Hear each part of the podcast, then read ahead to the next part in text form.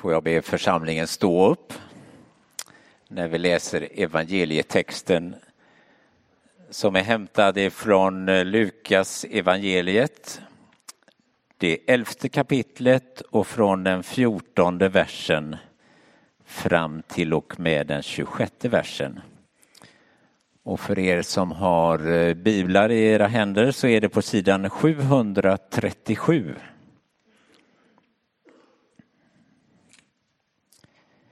En gång drev han ut en demon som var stum. När demonen for ut började den stumme tala och folket häpnade. Men några sa, det är med demonernas förste Beltsebull som han driver ut demonerna. Andra ville sätta honom på prov och krävde att få se tecken från himmelen. Men han visste vad de hade i tankarna och sa varje rike som råkar i strid med sig själv blir ödelagt och hus faller över hus. Och om nu Satan råkar i strid med sig själv, hur skall hans rike då kunna bestå? Ni säger ju att det är med Belzebul som han driver ut demonerna.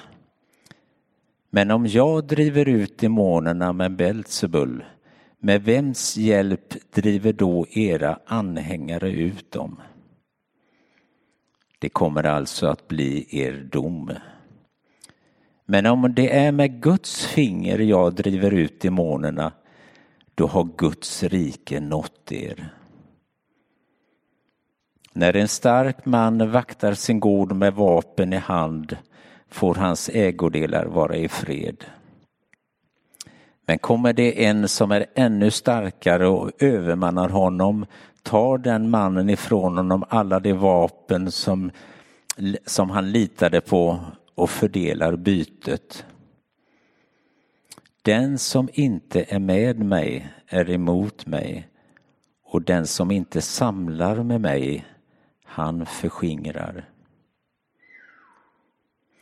När den orene anden lämnar en människa vandrar den genom vattenlösa trakter och letar efter en plats att vila på. Hittar den inget, säger den, jag vänder tillbaka till mitt hus som jag lämnade. När den så kommer att, när den så kommer att finna det städat och snyggt går den bort och hämtar sju andar till som är värre än den själv och det, och det följer med in och slår sig ner där. För den människan blir slutet värre än början. Så lyder det heliga evangeliet. Lovad var du, Kristus.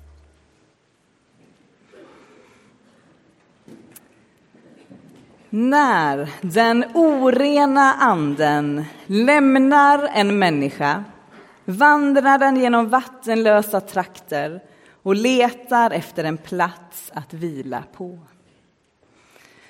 Det här är ett hoppfullt evangelium. Att en oren ande kan lämna en människa. Kanske är du lik mig när du hör den här texten. Att du reagerar på demoner och onda andar. Och så väcks det en massa frågor i dig och du får upp en del bilder. Du kanske undrar, var demoner bara en antik föreställning då? Eller så går dina tankar till skräckfilmer och exorcism. Eller så ser du en gubbe med två horn och en eldgaffel. Eller vad ska vi tro om ondskan som vi ser i vår värld? Eller om de röster som vi alla har i våra liv som inte bygger upp utan river ner och trasar sönder.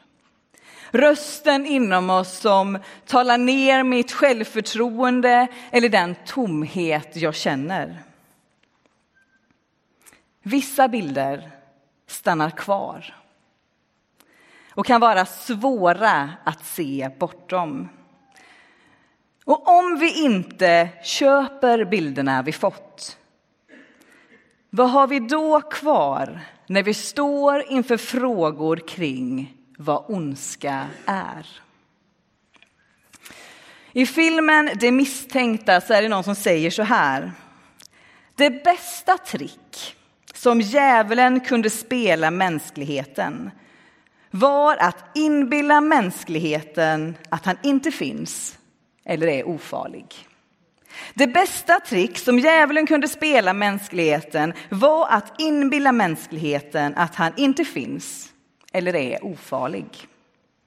Och nog ligger det mycket i det. För ondskan är en realitet.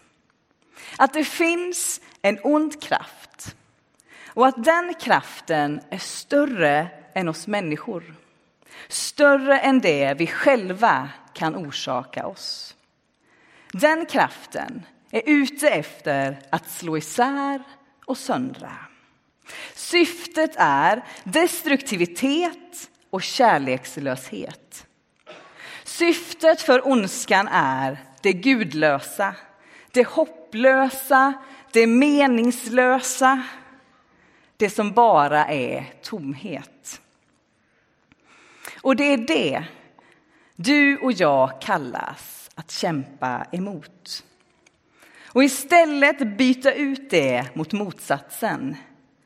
Gud, hopp, mening, fullhet. Det är vad kampen handlar om. När vi ser vår egen kamp, när vi ser människors kamp som finns runt omkring oss, ondskan i världen, när vi ser allt det djävulska som sker, all brutalitet, hur ska vi förstå den? Vem kan till exempel beordra attacker som det som vi får rapporter ifrån på nyheterna, det som händer till exempel i Syrien? Hur ska vi förstå det? Allt är inte demoner, men det finns en mörk aspekt. Det är svårt att förstå världen. Varför människor gör så onda saker. Och vi, vi tror att vi lever i en värld som är mer komplex än det vi ser. Vi tror att den helige Ande talar till oss idag. Och varje söndag i vår gudstjänst när vi firar nattvard stämmer vi in i lovsången tillsammans med den himmelska härskaran, keruber, änglar, serafer. Vi tror på en värld som är mer än det vi ser. Och om det är vår världsbild så finns det även destruktiva krafter. Och när jag säger det så säger jag samtidigt att Gud är starkare än all ondska. Men det pågår en kamp mellan det onda och det goda i vår värld och i våra liv. I nyhetsrapporteringar får vi ofta höra om så mycket ondska. Terrorattacker, krig och svält, människors våld mot varandra. Ni känner säkerligen igen det. Men det händer även mycket gott. Men det är inte så ofta som vi får höra det på nyheterna.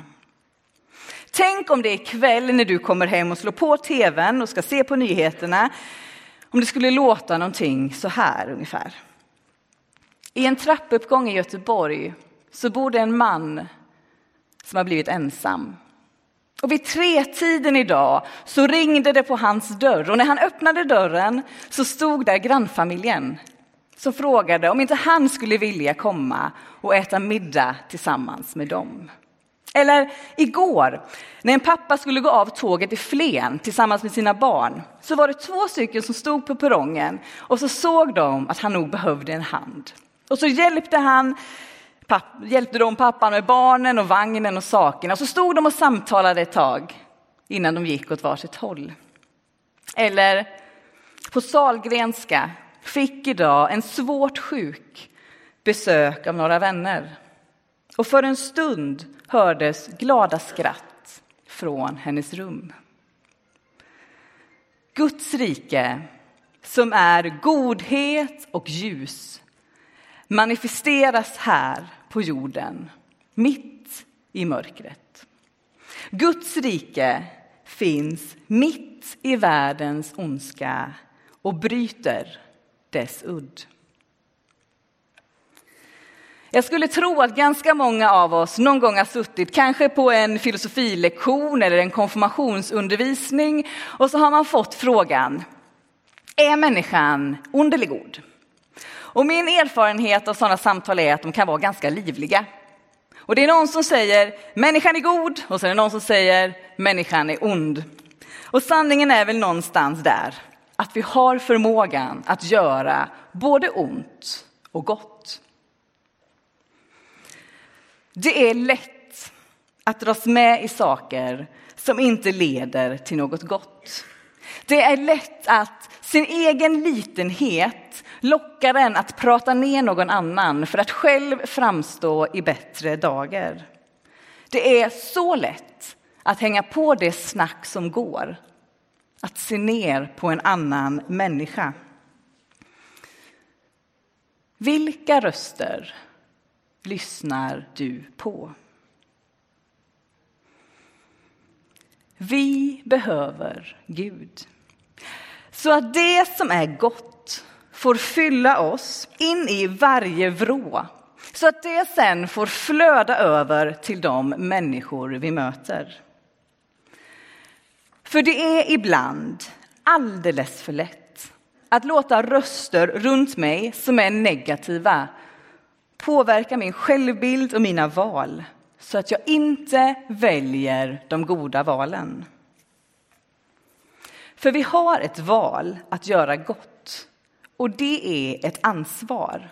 Och det är ett ansvar som inte behöver vara tungt utan snarare befriande. För vi är inte offer.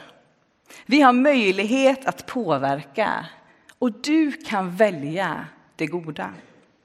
Men vi behöver Guds hjälp så att godheten får övertaget. Så att kampen oftare och oftare vinns av godheten och ondskan får ge vika. För att ni inte ska glömma den här predikan så tänkte jag att jag skulle ta lite hjälp av en visuell bild.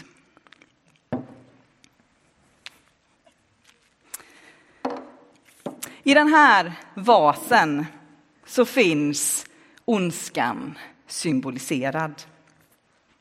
Det i livet som är mörker. Och för att återkoppla till bibeltexten. När vi städat och gjort snyggt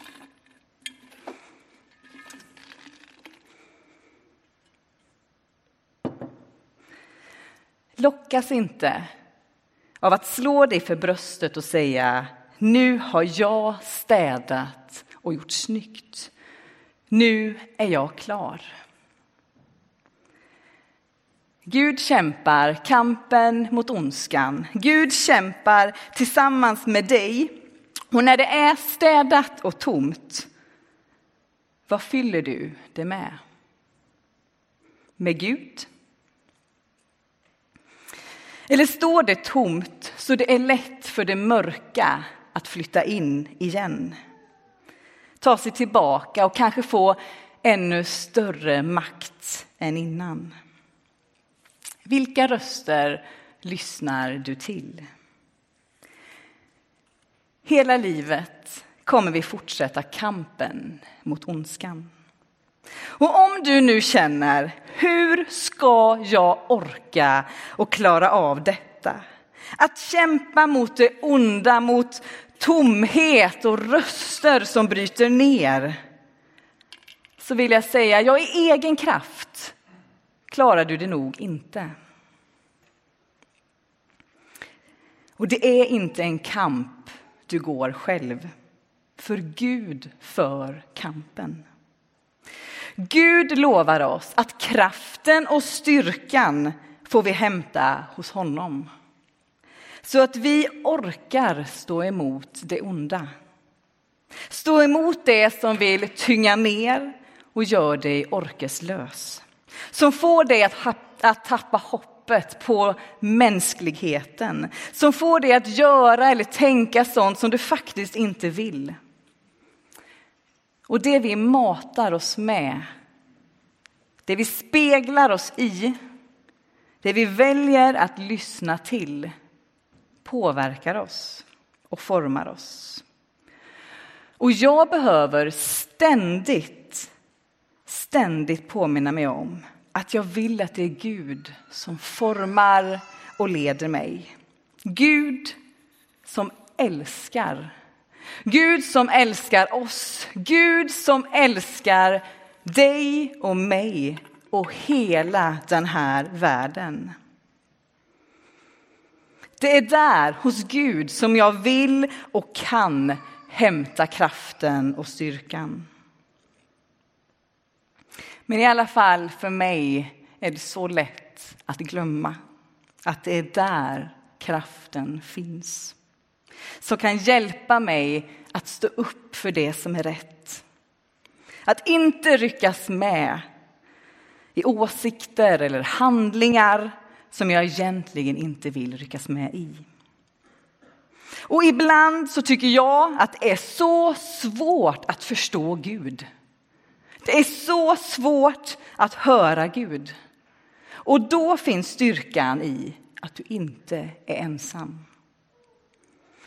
Du är inte ensam i ditt sökande efter Gud. Och du är inte ensam i din kamp. Det finns människor som delar ditt sökande och din kamp. Vid ett tillfälle i mitt liv, när den där känslan och upplevelsen var min, då mörkret hotade att ta över, så betydde människors omsorg om mig allt.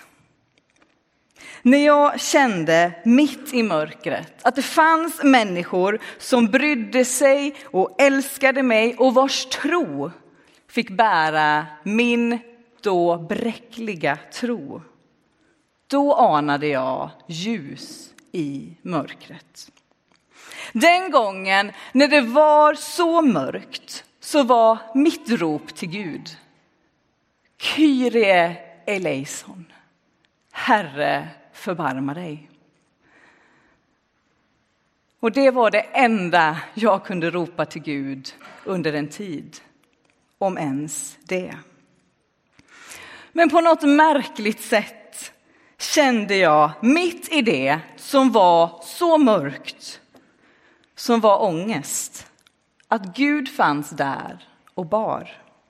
Mörkret var där Mörkret var där, men jag var inte ensam i min kamp. Och det här är min berättelse. Våra ser olika ut. Och om du just nu upplever att allt bara är kamp och ångest. Gud finns här. Gud känner med dig och Gud lämnar dig aldrig. Mitt tack går till människor som bar. Inte minst i bön när mina ord var slut. Och mitt tack går till Gud som fanns där mitt i min kamp. Temat idag kampen mot ondskan är för mig på ett sätt en tröst. För den säger, det är en kamp och du är inte ensam om den. Vi är alla en del av kampen mot det som vill förstöra och trasa sönder. Men, och det här är ett mycket viktigt men, Gud delar vår kamp. Jesus är starkare än all ondska. Gud har en gång för alla vunnit över ondskans makter genom Jesu död och uppståndelse. Hela våra liv kommer vi fortsätta den här kampen på olika sätt. Men det är inte du själv som kämpar. Det är inte du själv som städar upp. Låt Gud föra kampen. Men även då, då det inte är kamp, låt Gud flytta in i varenda liten vrå. Gud som är kärlek, ljus och hopp. Gud som hjälper oss att bli hela. Låt Gud vara en del, bara inte i din kamp utan också i din glädje. Vilka röster lyssnar du till? Vilka röster hjälper dig att vinna kampen mot ondskan? Låt Gud bära dig.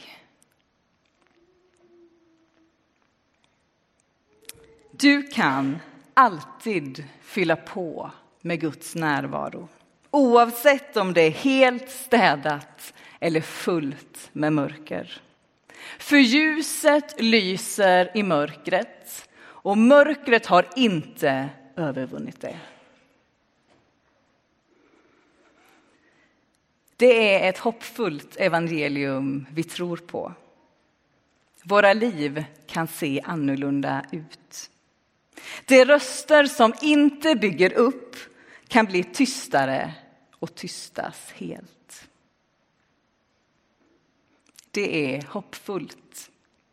Och vi kan igen och igen vända oss till Gud som kämpar den goda kampen. Sätta vårt hopp och vår tillit till honom. Vi kan rota oss i honom. Ser ni korsträdet här framme? Hur rötterna går ner i dopgraven. Även vi få rota oss i Kristus och låta det vara grunden för våra liv. Låta vara det som fyller på och leder oss vidare. I Jeremia kapitel 17 så står det Välsigna den man och kvinna som sätter sin lit till Herren. Han blir som ett träd planterat nära vatten. Det sträcker sina rötter mot bäcken. Det har inget att frukta av hettan. Bladen är alltid gröna. Det ängslas inte under torra år. Upphör inte att bära frukt. Be gärna med mig. Jesus, hjälp oss att vara fast rotade i dig så att vi väljer det goda. Helige Ande, fyll våra inre med ljus så att ondskans udd bryts och mörkret ger vika. Och påminn oss om att vi aldrig är ensamma. Amen.